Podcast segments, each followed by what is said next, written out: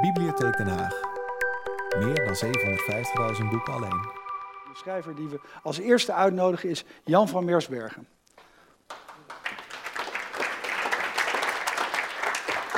Ah, Jan. Ehm, ik weet niet in hoeverre u Jan van Meersbergen kent. Uh, ik had zelf de indruk dat ik hem uh, enorm goed kende. En u verwacht natuurlijk dat dat uh, op grond van zijn boek is. Tuurlijk, op grond van boeken kan je iemand kennen. Maar je hebt ook het zoveel prezen medium Facebook, waar je ook heel veel informatie over kunt krijgen. En zo ben ik op de hoogte van de, niet alleen de, de voetbalprestaties van Jan van Meersbergen, maar ook van zijn recente gezinsuitbreiding. En dat brengt me op de eerste vraag. Jan, lukt het nog wel met schrijven in deze toch weer uh, uitgebreide gezinstaat? Ongelooflijk moeilijk is dat. Ja? Nee, het gaat goed. Ik, ik, werk, ik schrijf iedere dag, het is mijn werk. En uh, die kleine is nu vier maanden en die gaat uh, twee dagen in de week naar het kinderdagverblijf. En ik doe één dag met hem thuis en dan is mijn vriendin nog een dag met hem thuis. En het weekend voetballen natuurlijk.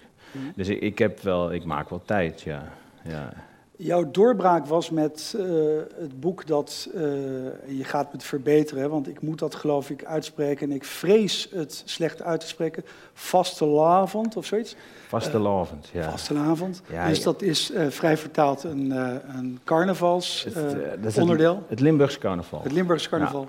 Ja. en ook daar zien we jou op dat medium Facebook soms voorbereidingen toenemen. Ja, ja dat, dat begint in september. Het seizoen begint eigenlijk op 11 van 11. Dan wordt het vastelavond ingeschoten in Venlo met een kanon. 11 kanonschoten om 11 uur s ochtends. Het is altijd 11. Mijn vastelavondsroman heeft ook 11 hoofdstukken. Mm uh, er zijn er ook 11.000 van verkocht, zeg ik tegen iedereen. En, en ja, we zijn nu bezig met... heb je de boel stilgelegd dat het, niet, dat het bij 11 moet blijven? Of? Ik, ik rond het soms iets naar boven okay. af. Ja. ja.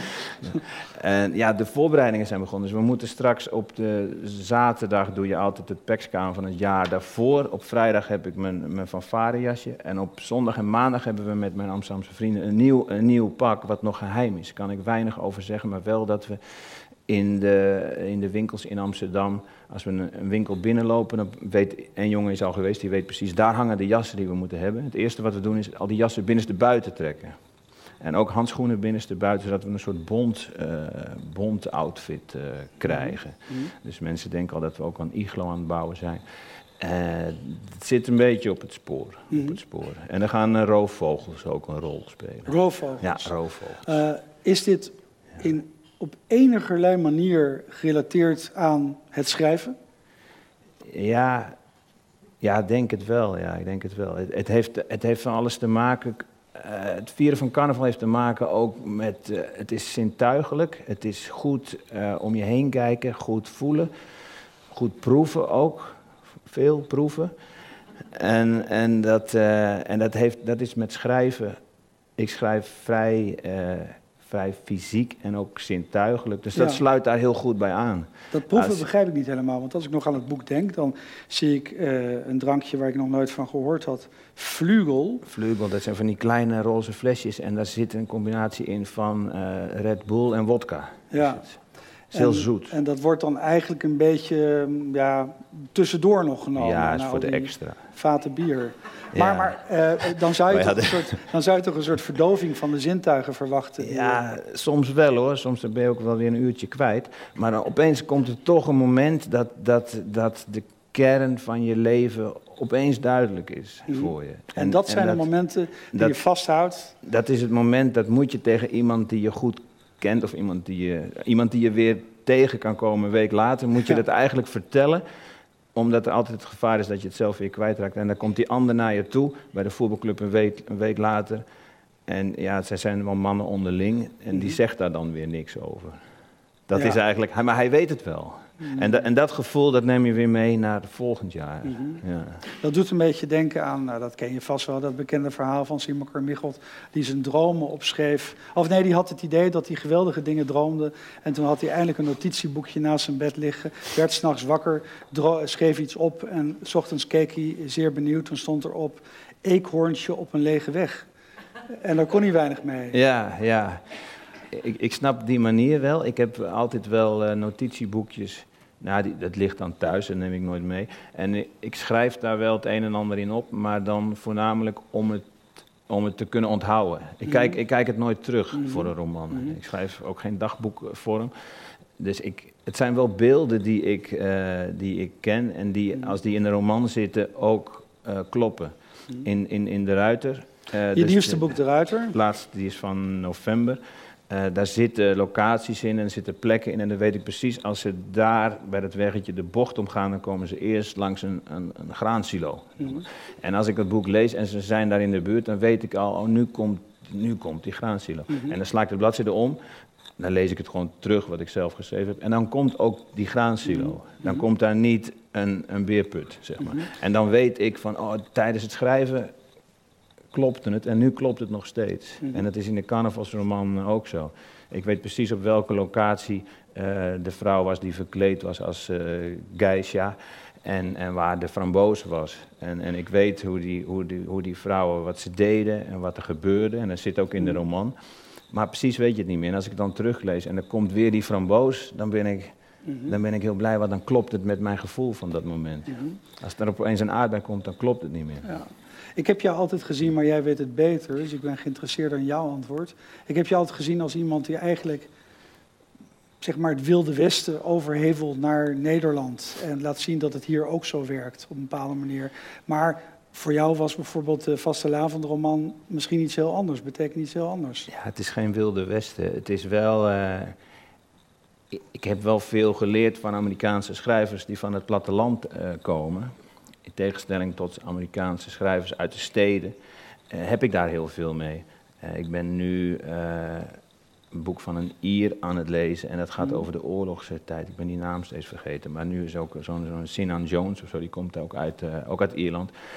En dat is ontzettend goed. Het is heel uh, zuinig geschreven. Het is heel erg uh, uitgebeend. Mhm. En uh, eigenlijk herken ik in die boeken, en ook in de, in de oude boeken, in Faulkner en Steinbeck en Hemingway, daar herken ik de manier zoals bij mij vroeger in Brabant in de polder, hoe de mensen met elkaar omgaan. De mensen daar die, die gingen niet met elkaar om zo scherp en zo gevat zoals Arno Grunberg zijn stukjes schrijft. Dat, dat is een Amsterdamse Joodse tak waar ik helemaal niks van af weet. Mhm. En waar Anon heel goed, uh, goed in is. En, en ik zat in een familie, daar had, je, daar had je wel hele goede verhalen, maar die werden anders verteld. Mhm. Veel meer uh, op afstand en ook ja, soms wel hard en ook wel heel zintuigelijk, maar niet uh, intellectueel, zeg maar. Maar wat me opvalt in je nieuwe roman, De Ruiter, ik denk dat we wel iets mogen prijsgeven aan het publiek. Uh, A, de hoofdpersoon is een, uh, de verteller is een paard. Uh, en als we iets korts over de handeling mogen zeggen, dan komt erop neer dat uh, dat paard alles in de gaten heeft, ook zintuigelijk. er komt een meisje naar een boerderij, die wordt door de vader gebracht. Die vader is nogal stads geworden. Zijn vader heeft de boerderij en die communiceert niet echt met hem. Dat meisje heeft weer een heel fout vriendje. En uiteindelijk komt natuurlijk daar, eh, breekt de pleuris uit. Uh, dat is niet Brabants gezegd. Maar goed, in ieder geval, um, um, ja, wat me juist opvalt, want dat was mijn vraag eigenlijk, is, of mijn opmerking, is dat mensen juist vaak niet communiceren, terwijl ze elkaar toch wel heel goed begrijpen. Of het is via grommen, of via ja. een beetje vrevelige opmerkingen. Ja, ik heb, ik heb voor dat paard gekozen omdat de mensen, de karakters kunnen beter met een paard praten dan met elkaar. Kijk. En dat was een uitkomst. En ik wilde, ik had, ik had de keuze of ik vertel het zelf als een derde persoon schrijver die alles al overziet. En dat had ik al vaak genoeg gedaan, ook mhm. in de verleden tijd. is ook heel veel op afstand. En ik wilde, ja, ik had de keuze of dat meisje laten vertellen, of die grootvader, of dat paard. Mhm. ja, een meisje van 15 die verstrikt zit in een loverboy-affaire, die eigenlijk niet, niet weet waarom ze bij die jongen is, mhm. waarom ze naar die, tot die jongen aangetrokken wordt. Waarom, ze weet wel dat die jongen niet helemaal goed voor haar is, maar toch gaat ze, gaat ze erheen. Ze belt hem, ze, ze belt hem op, ze lokt hem eigenlijk naar het platteland uh, toe. Dat, dat, dat is de, de plot eigenlijk van het boek, of de, de, wat, wat het boek in gang zet. En ja, zo'n meisje dat verhaal laten vertellen, dan zou zij heel bewust moeten zijn van wat er allemaal gebeurt. En dat paard ziet bij haar eigenlijk meer bijna een soort hormonale motieven om die jongen naar haar toe te lokken. Dat paard, dat ruikt wat haar drijft. Mhm. Het paard staat daar en die hoort het gesprek wel, ook al kan hij dat gesprek niet helemaal plaatsen, want het meisje komt aanlopen en die vader zegt, nou mag ze hier een weekje blijven, er is hopelijk niks veranderd. Die grootvader zegt, ja is oké, stal er maar hier. En om in paardentermen te, te spreken. En ze zeggen wel, de, de, informatie die dat paard krijgt is, ja, ze, ze, mag geen contact hebben met de jongen, ze heeft geen telefoon, heeft ze natuurlijk wel. Ze stuurt de jongen WhatsApp-berichtjes. Mhm. Ze, ze, probeert uit te lokken om hem lang te laten wachten.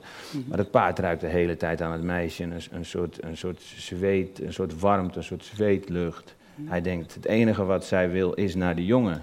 En dat, die vader die weet dat wel, maar die voelt dat niet. En die kan daar ook niks aan doen. En ik heb een, een, een, van mijn beste vrienden, die, had een, die heeft een dochter, die, die was een jaar of toen ze 14, 15, 16 was. Toen zat ze in zo'n affaire. Mhm. Toen werd hij weer s'nachts opgebeld door de politie van, oh ja, we hebben er weer uh, gevonden in uh, Zwolle in een kraakpand met allemaal Afrikanen. Ik zal er niet te veel over vertellen, zei de politie dan tegen hem. En hij zegt dan in Amstelveen, nou ja, ik stap wel weer in de auto, ik kom er wel weer ophalen. En dan zei hij een dag later tegen mij van, was ze nou maar in één klap 19 of 20, dan doet ze dat niet meer. Mhm. Maar nu doet ze het wel, omdat ze denkt dat ze die jongens allemaal eronder heeft. Mhm. Ze dacht altijd dat ze veel sterker was dan, dan al die jongens bij elkaar. Mhm. Tot ze op een gegeven moment toch wel in een kamer zat waar ze niet meer uit kon. En toen was het van, oh, nou, dan, uh, dan moeten we iets anders verzinnen. Um... En, en dat vond ik, uh, ja, wat je vaak leest in de krant. Dan heb je in Limburg, in, in, in Valkenburg, een meisje van 16 wordt tot prostitutiezaak. Half het dorp is erbij betrokken.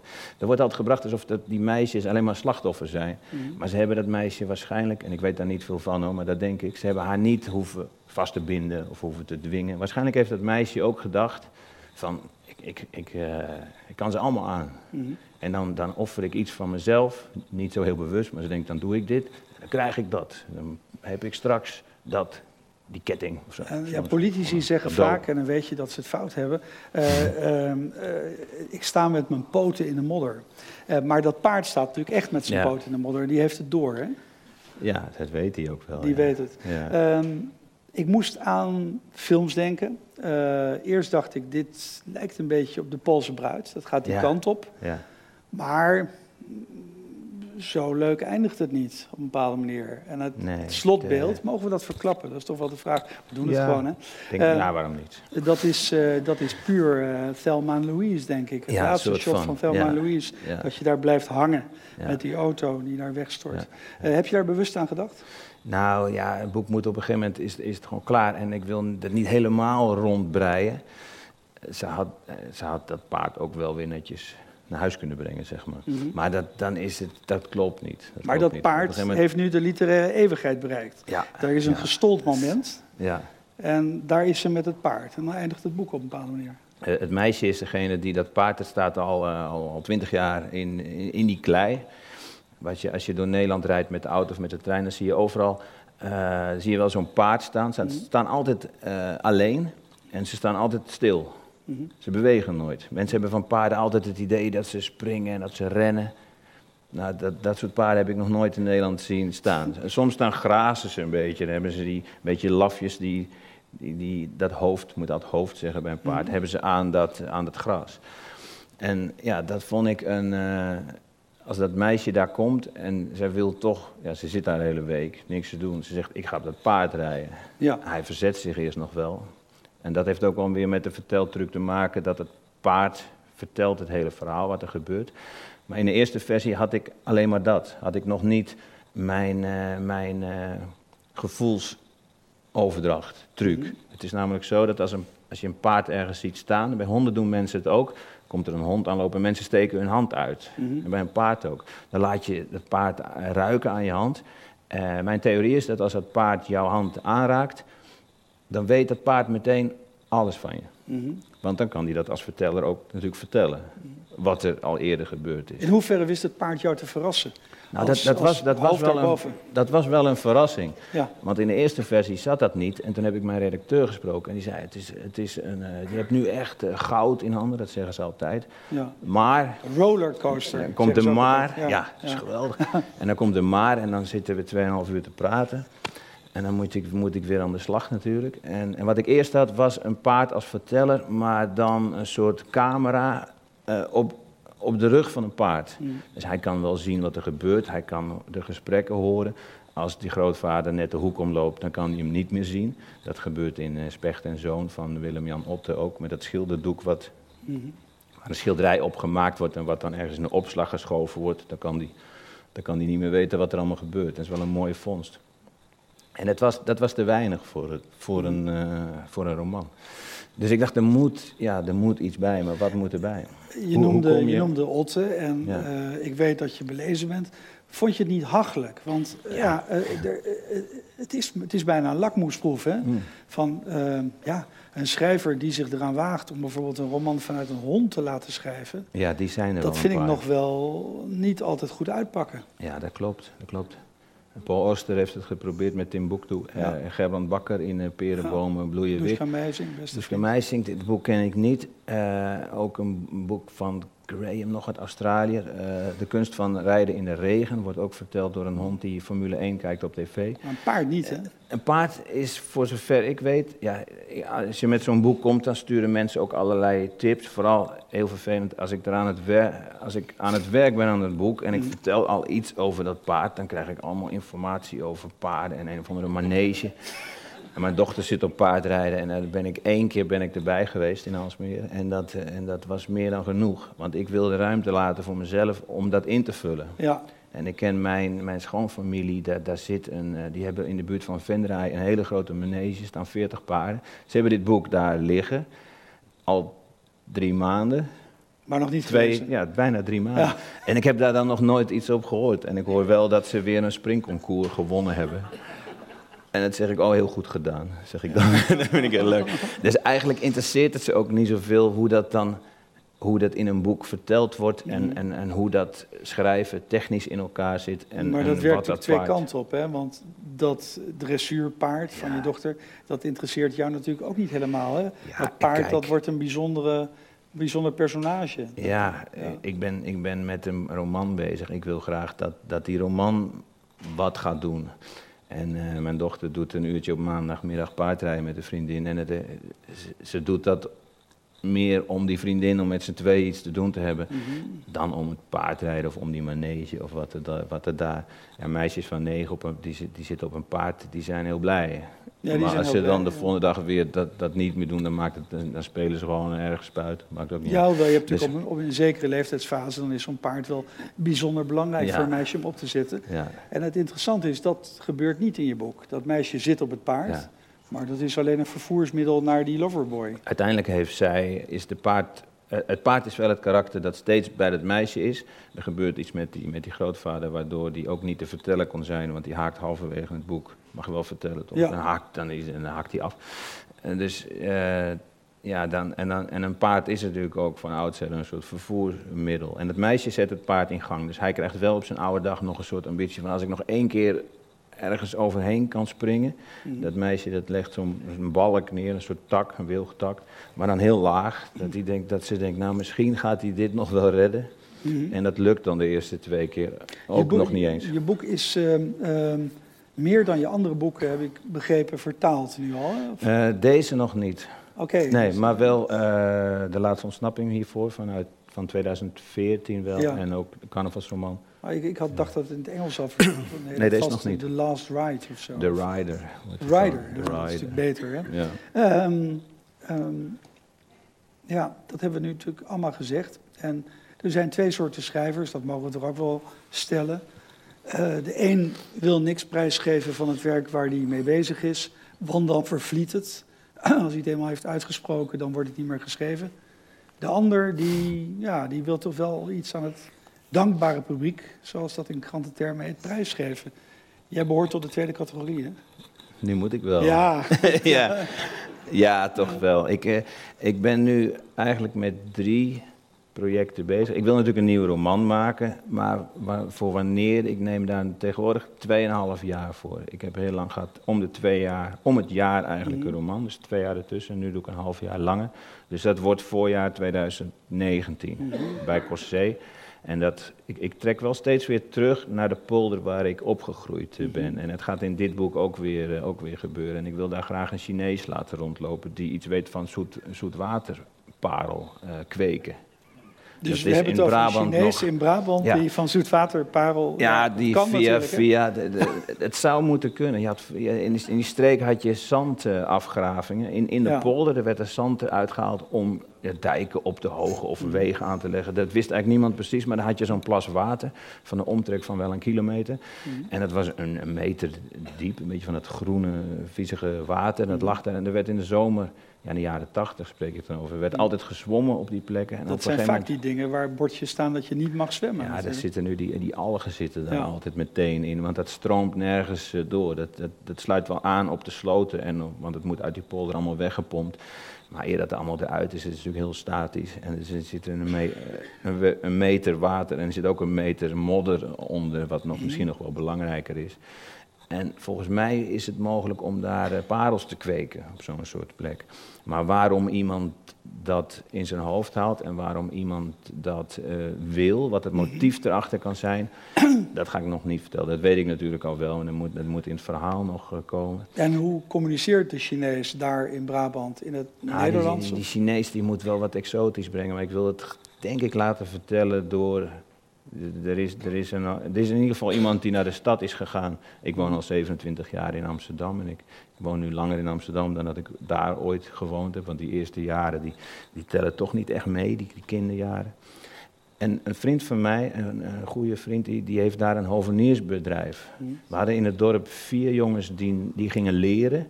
En dat was in het dorp dan wanneer je naar het ateneum ging. Hmm. Dat was nog geen universiteit of zo, maar wij gingen in Gorkum naar het... Uh, naar het ateneum. Mhm. En daar zat hij ook bij. En hij is nu hovenier. En die kom ik af en toe nog tegen en ik kan heel goed met hem vinden. En hij, hij uh, veel. Ze noemen hem in zijn gezin thuis noemen ze hem de filosoof. Omdat hij af en toe wat slims uh, zegt. En ondertussen knipt hij plantjes, is hij aan het snoeien. Ja. En doet hij ook in Amsterdam uh, opdrachten, vlak bij mijn huis op de, aan de Minerva-laan. Want daar betalen ze veel meer dan in... Dat is toch min of meer een advies in Candide, hè, om je tuintje te bewerken. Maar um, kom je nou eigenlijk, want hoe kom je nou, wat was het eerste, begint het met een beeld, dit boek, De Ruiter? Nou, ik, ik heb met, uh, met zo'n nieuwe roman heb ik, uh, ik heb een omgeving, ik heb een karakter. Mm. de manier waarop die jongen verhalen vertelt, dat vind ik heel leuk en dat kan ik, me, dat, dat kan ik opschrijven. Dus ik heb een soort verteller.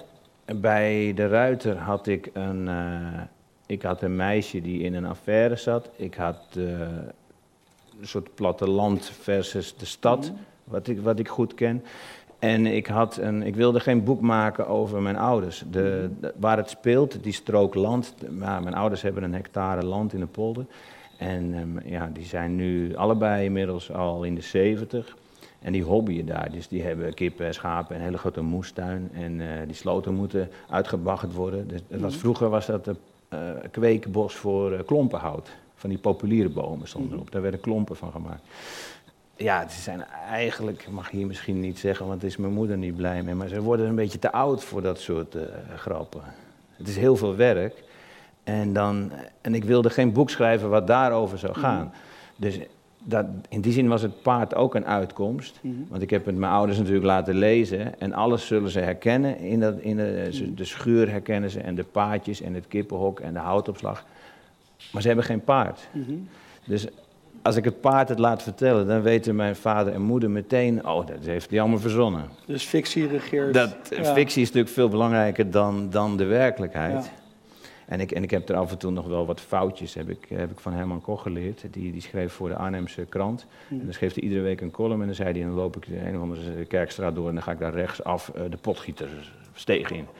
En dan kreeg hij ongelooflijk veel ingezonden brieven. Want de potgietersdeeg, dat was linksaf. En, en waar die column dan over ging, dat, dat maakte niemand wat uit. Maar de topografie, die moest kloppen. En bij de krant waren ze blij, want wat krijgt deze columnist toch krankzinnig veel post. Ja, en Herman deed expres altijd zo'n foutje erin. Uh, want dan kreeg hij brieven. Meneer Koch denkt dat hij weet hoe Arnhem in elkaar zit. Ja, en dat is in dit boek ook. Ja. Kan je er eentje geven? Nee, nee, nee. Oké, dan moeten, nou ja, misschien het, uh... zijn er al grondige lezers die uh, bij de nazit, wanneer je helemaal overgeleverd bent aan uh, de vragen die we nu verzuimd hebben te stellen. Kan het gebeuren. Uh, dankjewel Jan. Graag gedaan. Oké. Okay.